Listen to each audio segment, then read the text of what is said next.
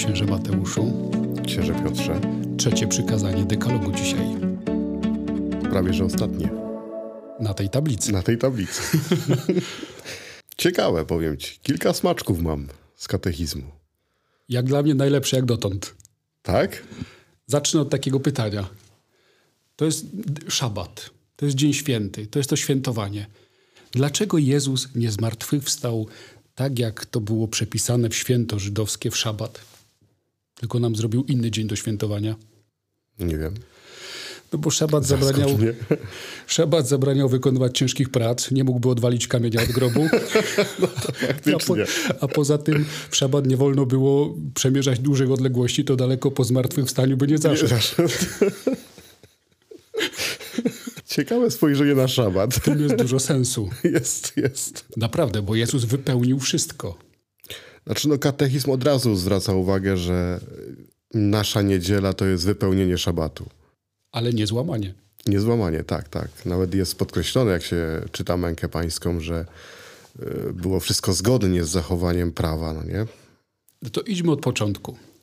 Bo katechizm tam jest bardzo taki poukładany. Tak. Co wyciągnąłeś? A to nie, nie, to smaczki to dopiero będą. No to te, te etapy katechizmu. No etapy są proste. Najpierw jest Stary Testament, czyli właśnie y, szabat. Tak jest. Potem mamy Dzień Zmartwychwstania, Czyli przejście na Nowy Testament. tak? I potem mamy Eucharystię, jako takie centralna część tego Dnia Pańskiego, czyli niedzieli. To chodźmy do Starego Testamentu. Chciałbym dodać, tak dopowiedzieć. Przy drugim przykazaniu tłumaczyliśmy, że wielu ludzi nam zarzuca, że obcięliśmy drugie przykazanie, że nie mówimy o tych obrazach, o tych figurach i tak dalej. A ja się pytam, dlaczego ci sami ludzie nie zarzucają nam przy trzecim przykazaniu, bo też jest obcięte. Mało tego, to jest najdłuższe z wszystkich przykazań. Tak. Ja nawet się spotkałem z takim twierdzeniem, że nieprzypadkowo jest najdłuższe. No, dlaczego? Jest dlatego najdłuższe, ponieważ jest najważniejsze spośród wszystkich dziesięciu przykazań. I jest źródłem dla wszystkich przykazań. Dobre.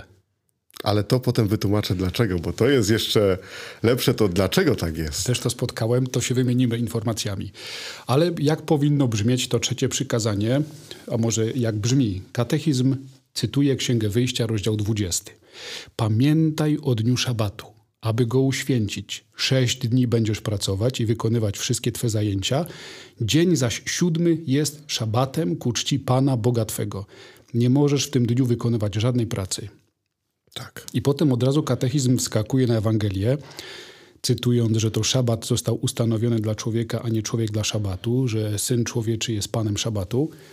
A warto dodać, że w Starym Testamencie jest jeszcze drugi raz tam dekalog powtórzony w Księdze Powtórzonego Prawa. Tam też jest bardzo długa definicja szabatu. I jest jeszcze w Księdze Wyjścia, rozdział 31, wers 13, taki soczysty opis szabatu i nawet kar, jakie mogą człowieka spotkać za nieprzestrzeganie szabatu. Tak. Bardzo ważne było, żeby strzec szabatu. Takie stwierdzenie, że szabat jak gdyby domaga się od człowieka pewnej takiej uważności. To może to zacytuję, mam to przygotowane. Powiedz Izraelitom, przestrzegajcie pilnie moich szabatów, ponieważ szabat jest znakiem przymierza między mną a wami. Właśnie, to chciałem powiedzieć, że szabat tak naprawdę jak gdyby w trzech wymiarach pokazuje nam przymierze i to katechizm pięknie pokazuje. Uważam, że to jest bardzo ładnie zrobione, że jest i kwestia uwielbienia Boga, i kwestia uwielbienia dzieła stworzenia, Tak i w końcu uwielbienia tych zbawczych momentów w historii Izraela, tego momentów, kiedy Pan Bóg działał tak w sposób bezpośredni, byśmy powiedzieli. I, I o te momenty, to konkretny przykład to jest wyzwolenie z niewoli egipskiej, bo oni dostają przykazania, kiedy mają to przymierze z Panem Bogiem pod górą Synaj. I to jest takie przypieczętowanie, że ja was wyprowadziłem, będę waszym Bogiem, wy będziecie moim ludem, ale przestrzegajcie szabatu. Tak. I przeczytałem, że to jest taki sam znak, taki mocny dla Żydów, jak obrzezanie. Świętowanie szabatu jest tak mocnym potwierdzeniem przymierza. Tak, ja się spotkałem z takim stwierdzeniem, że to, mi- to mi się bardzo spodobało. Potem jeszcze powiem, skąd to mam i kto to w taki sposób pokazywał szabat. Ale y, dlaczego ten szabat jest aż tak ważny? I Żyd, żeby było jasne, czyli człowiek, który rozumie, co mówi o szabacie, tłumaczy, że Pan Bóg pierwsze, co stworzył jako święte, mhm. to był szabat. Drugie, co stworzył jako święte, to był człowiek. A dopiero trzecie, co stworzył jako święte, to była świątynia. Mało tego. Dwa pierwsze on stworzył, czyli bezpośrednio Bóg, szabat i człowiek, Aha. a trzecie stworzył już tak naprawdę człowiek, dzięki temu, że Bóg mu polecił to zrobić. We współpracy I z Panem stąd Bogiem. szabat ma aż tak wielkie znaczenie. Dla Żydów to jest pierwsze, jak gdyby takie, no nie można powiedzieć rzecz, bo od razu by się oburzyli, mhm. ale szabat to jest coś pierwszego świętego, co Bóg uczynił. Na ziemi. Tak. We wszechświecie. We wszechświecie.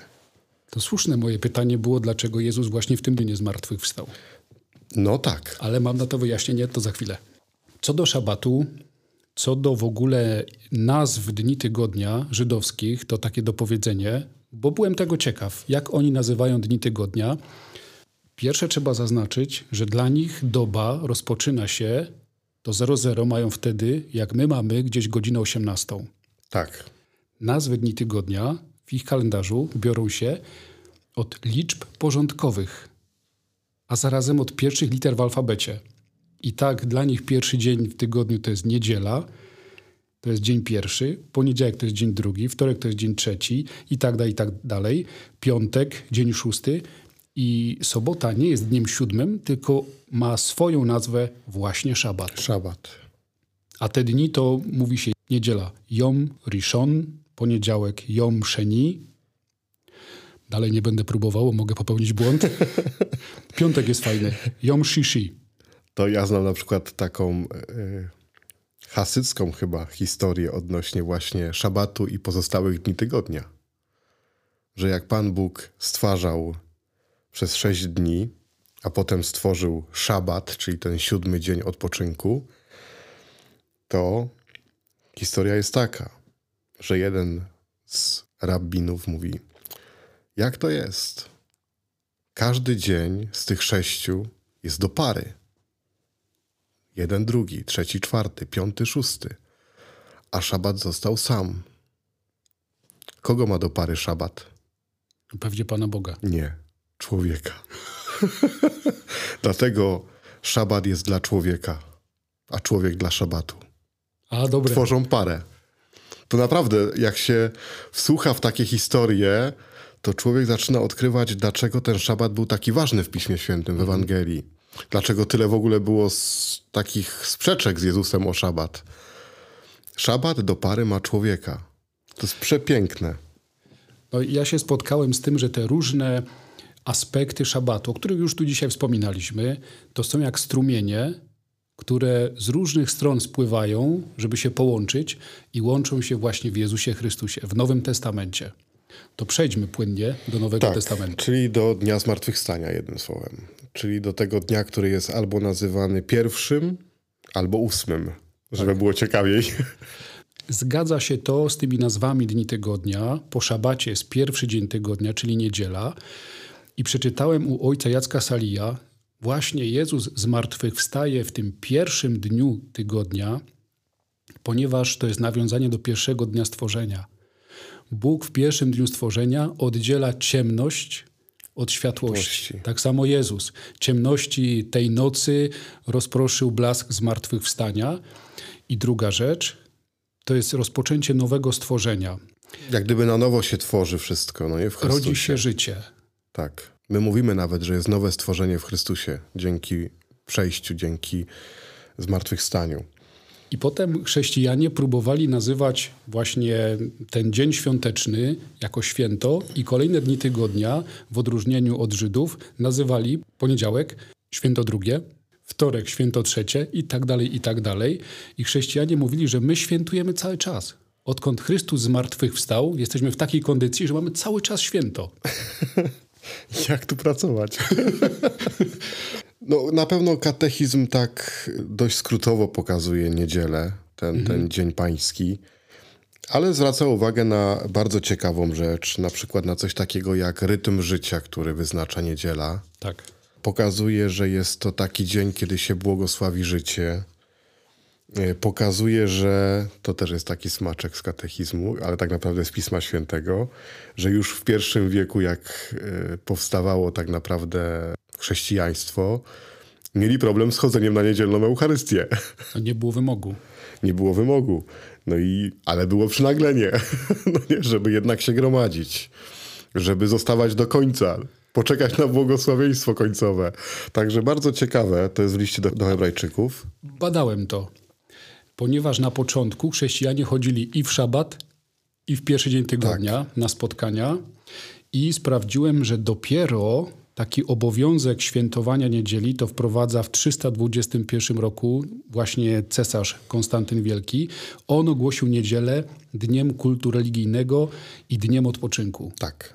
I wtedy to już był taki moment, o którym też katechizm wspomina, kiedy Dzień Pański, niedziela stała się też takim czynnikiem e, budującym społeczeństwo, budującym rytm życia w ogóle takiego dla wszystkich mieszkańców, no nie? gdzie przenika się do tego, że tak, dzisiaj niedziela powinna być dniem wolnym, niezależnie tak naprawdę, czy jest się wierzącym, czy niewierzącym. No nie, święto powinno być dniem wolnym, dlatego, że jest świętem samym sobie. Także to, to jest bardzo ważne. W związku też z tymi zmianami brzmienie przykazania zostało zmienione, bo przykazanie ze Starego Testamentu brzmi świętuj szabat, tak. a potem przykazanie wszystkich chrześcijan brzmi dzień święty, Ty. świętuj. No tam jest też tak ciekawie zaznaczone w katechizmie, że należy się powstrzymać od zajęć jakich? Niekoniecznych. Nie, które przeszkadzają w oddawaniu czci Bogu. O, ja zacytowałem prawo kanoniczne. ja katechizm. katechizm i to jest takie też bardzo ciekawe, że czasem się zarzuca, że ktoś nie przestrzega niedzieli, bo wykonuje pewne prace. Czasem się nawet zarzuca księżom, że bardzo dużo pracują w niedzielę, bo jak mają, nie wiem, dużą parafię i 5-6 mszy świętych, jeszcze w okresie, nie wiem, Wielkiego Postu gorzkie żale, homilie i tak dalej. Natomiast tu jest, że należy się powstrzymać od zajęć, które przeszkadzają w oddawaniu czci Bogu. Mhm. I, I to też tam jest potem rozwijane i, i myślę, że można to tak rozwinąć, że nawet jeżeli człowiek musi wykonywać pewną pracę w niedzielę, nie wiem, jest lekarzem, pielęgniarką, zawody, tak. kierowcą autobusu. No są zawody, które domagają się tego, żeby nawet w ten dzień pracować. To powinno to być tak wykonywane i tak realizowane, żeby jak najmniej przeszkadzało w tym spotkaniu się z Panem Bogiem w tym dniu. I ja jeszcze znalazłem coś takiego, że w tym świętowaniu tego dnia warto znaleźć sobie też inne sposoby spotkania z Bogiem żeby w tym dniu Pismo Święte poczytać. Ale to jest wtedy, jeżeli jest problem z Eucharystią. Nie, no nie? w ogóle, w ogóle, jako sposób świętowania tego dnia. Eucharystia oczywiście to jest to centrum i, i, i to jest to 100%, ale żeby ten charakter taki nie tyle też świętowania, co uświęcania, bo to też chciałem podnieść, te dwa aspekty. A to ja tutaj mam cytat. I teraz już powiem o jakiej książce i o kim mówię. Zdradzę to. To jest taka bardzo dobra książka, którą kilka lat temu dobrych kilka lat temu czytałem. Abraham Joshua Heschel, mhm. polskiego pochodzenia Żyd, który e, mieszkał w Stanach Zjednoczonych, szkoły rabinackiej, wykładowca, e, który napisał taką małą książeczkę Szabat. I w tej książeczce Szabat można przeczytać, na czym polega Dzień Święty. I Szabat, i myślę, że spokojnie można do naszej niedzieli od, odnieść i pisze tak. Szabat nie jest okazją do rozrywek czy lekkomyślności. Nie jest dniem puszczania fajerwerków czy fikania koziołków, ale sposobnością do naprawiania naszego złachmanionego życia. Gromadzenia raczej niż trwonienia czasu. Praca bez godności jest przyczyną cierpienia. Odpoczynek bez ducha jest źródłem deprawacji. I zaiste dzięki zakazom udało się uchronić od wulgaryzacji wspaniałość tego dnia. No dobre. Bardzo mocne. To w ogóle książka jest napisana w takim języku mocno poetyckim.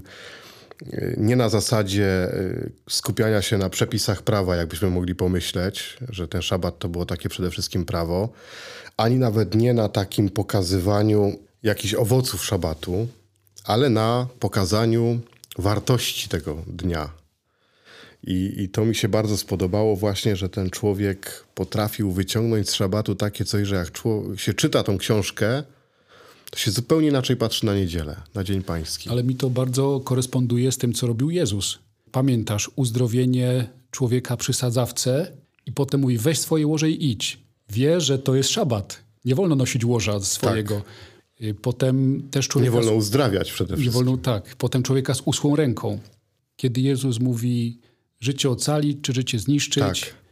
I wtedy Jezus pokazywał, że ten szabat to jest moment nie tyle samej litery, co odkrywania, no chyba chodzi o to życie. Chodzi o życie i nawet jak się patrzy właśnie od tego źródła Dnia Pańskiego, czyli od strony szabatu, to bardzo mocno jest podkreślone to, że y, szabat cały czas zwracał uwagę na świętość czasu, który ma człowiek. Mhm. I Joshua Heschel cały czas tak rozdziela bardzo mocno, że sześć dni w tygodniu człowiek pracując przekształca przestrzeń. Na tym polega praca, że my z tego świata, w którym jesteśmy, próbujemy wyciosać jak najwięcej dla siebie. A potem przychodzi szabat, który mówi, że jest jeszcze czas. I jest tak samo ważny jak przestrzeń, jeżeli nawet nie ważniejszy w pewnych momentach. I że ten czas to jest moment, kiedy trzeba się zatroszczyć o swoją duszę. Mhm. Więc bardzo pięknie pokazana istota w ogóle Dnia Świętego. Bo my mówimy, że niedziela no to już jest coś więcej niż szabat, wypełnienie szabatu, ale tak naprawdę dalej to jest Dzień Święty, tak. który domaga się właśnie czegoś, co on powiedział, że to jest świętość, która jest jakością, którą człowiek musi tworzyć. To mi się bardzo podobało, że my jak gdyby mamy zadany ten szabat, zadany Dzień Pański, zadaną niedzielę. Pytanie, jak my ją tworzymy. No to tu właśnie jest to, o czym mówiłem że można wtedy sięgnąć po Pismo Święte, można posłuchać treści, Dokładnie. można posłuchać naszego podcastu. Ale wiesz, mówiłeś o tym pisarzu, który był Żydem, który jest Żydem, ale też ojciec Sali, którego czytałem przed tym nagraniem, wydobywa coś takiego bardzo głębokiego, bardzo podobnego do tego, co powiedziałeś. Że oprócz pracy w naszym życiu, oprócz tego wszystkiego, co ma przynosić pożytek, oprócz tego, co jest takie bardzo konkretne, jest coś, co się wydaje na pierwszy rzut oka marnotrawieniem czasu. I on sięga po obraz miłości. W rodzinie nie tylko trzeba o siebie dbać, tam myć talerze, sprzątać w domu, ale trzeba też ze sobą posiedzieć. I to wspólnie spędzanie czasu się może wydawać marnotrawstwem, bo nic produktywnego się w tym momencie nie dzieje, ale to bardzo umacnia relacje, to umacnia więzi. Tak. I tak samo jest między nami i Panem Bogiem. Cały tydzień pracujemy, po to, żeby pobyć razem w niedzielę, potracić czas razem z Panem Bogiem. I on mówi, że to jest znakiem, że nie da się kondycji ludzkiej, nie da się życia ludzkiego zamknąć tylko w tej doczesności, tylko w tej rzeczywistości takiej produktywnej. Dokładnie. Mało tego, to y, nie mamy na tyle czasu, ale wstęp do tej książki napisała córka tego Żyda, pokazując, albo inaczej opisując, jak jej w pamięci został szabat w jej domu. Tam mhm. w Stanach, w jaki sposób oni przeżywali szabat. To jakby na to spojrzeć dzisiaj, no to piękny przepis na niedzielę. Przy czym u nich to oczywiście jest rozciągnięte, tak jak mówiłeś.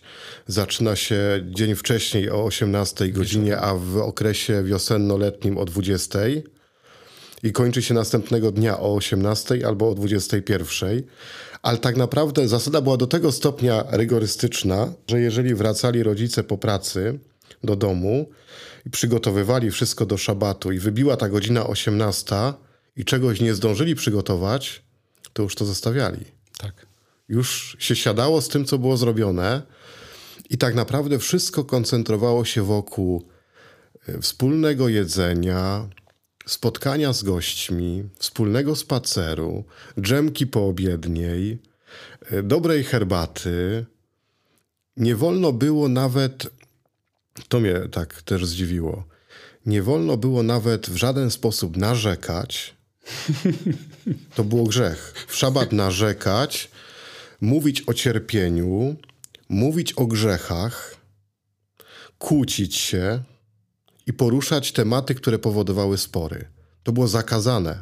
Szabat miał być takim dniem, w którym wszyscy po pierwsze żyją w jedności, wszyscy się cieszą i opowiadają historie, które są bardzo pozytywne, urzekające. Mówiliśmy, że w Starym Testamencie szabat jest tym znakiem przymierza między człowiekiem a Panem Bogiem. W Nowym Testamencie niedziela też jest znakiem tego nowego przymierza, z którego płynie tak. właśnie ta moc, ta siła, ta radość, ten, ten entuzjazm. Więc to jest przykazanie, które nie tylko mówi, czy my jesteśmy w niedzielę nam przy świętej, czy nie. Nie, to jest bardzo płytkie rozumienie. Tylko to jest niesamowicie głębokie przykazanie. I też przeczytałem, że chyba ze stworzeń na świecie, chyba tylko człowiek świętuje. To jest niezwykła godność człowieka, że Pan Bóg go dopuszcza do czegoś takiego, że się wyrywasz z tych trybów instynktu, z trybów pracy i masz czas dla Stwórcy. Tak, i to jest nawet na takiej zasadzie, że się wpisujesz w to y, tworzenie właśnie przez ten dzień pański, przez ten dzień, kiedy się zatrzymujesz w takim działaniu tutaj na ziemi jakby, ale dalej jesteś wpisany w ten siódmy dzień stworzenia, w to dopełnianie całego stworzenia. Tak naprawdę nasza niedziela, nasz dzień święty, to jest tylko taki zwiastun tego czasu świętego, który jest przed nami, który nas czeka po śmierci, o którym mówi Apokalipsa. To ja mam tutaj piękny cytat z naszego Abrahama Joshua Heschela, który pokazuje, myślę, i sprawia, że najbliższa niedziela może być zupełnie inna. No. I najbliższa Eucharystia w niedzielna może być zupełnie inna. To jest ciekawe. Ten, kto nie nauczył się rozkoszować smakiem szabatu podczas pobytu na tym świecie, ten nie będzie w stanie rozkoszować się smakiem wieczności. O. Czy my się tak rozkoszujemy wszystkim? Przebije to. Ciekawe czym.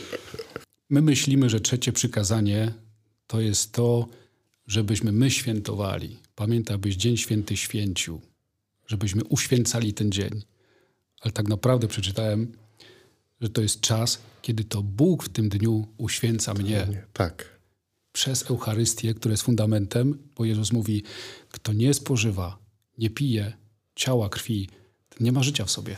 Dlatego moment, kiedy zaczęto nazywać Eucharystię dziękczynieniem jest bardzo ważny, bo my dziękujemy za to, że Pan Bóg nas tak uświęca. Dobre.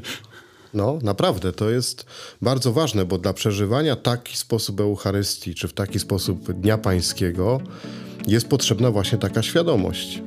Bo jak to jest tak, że ja muszę zapracować, to za co mam dziękować.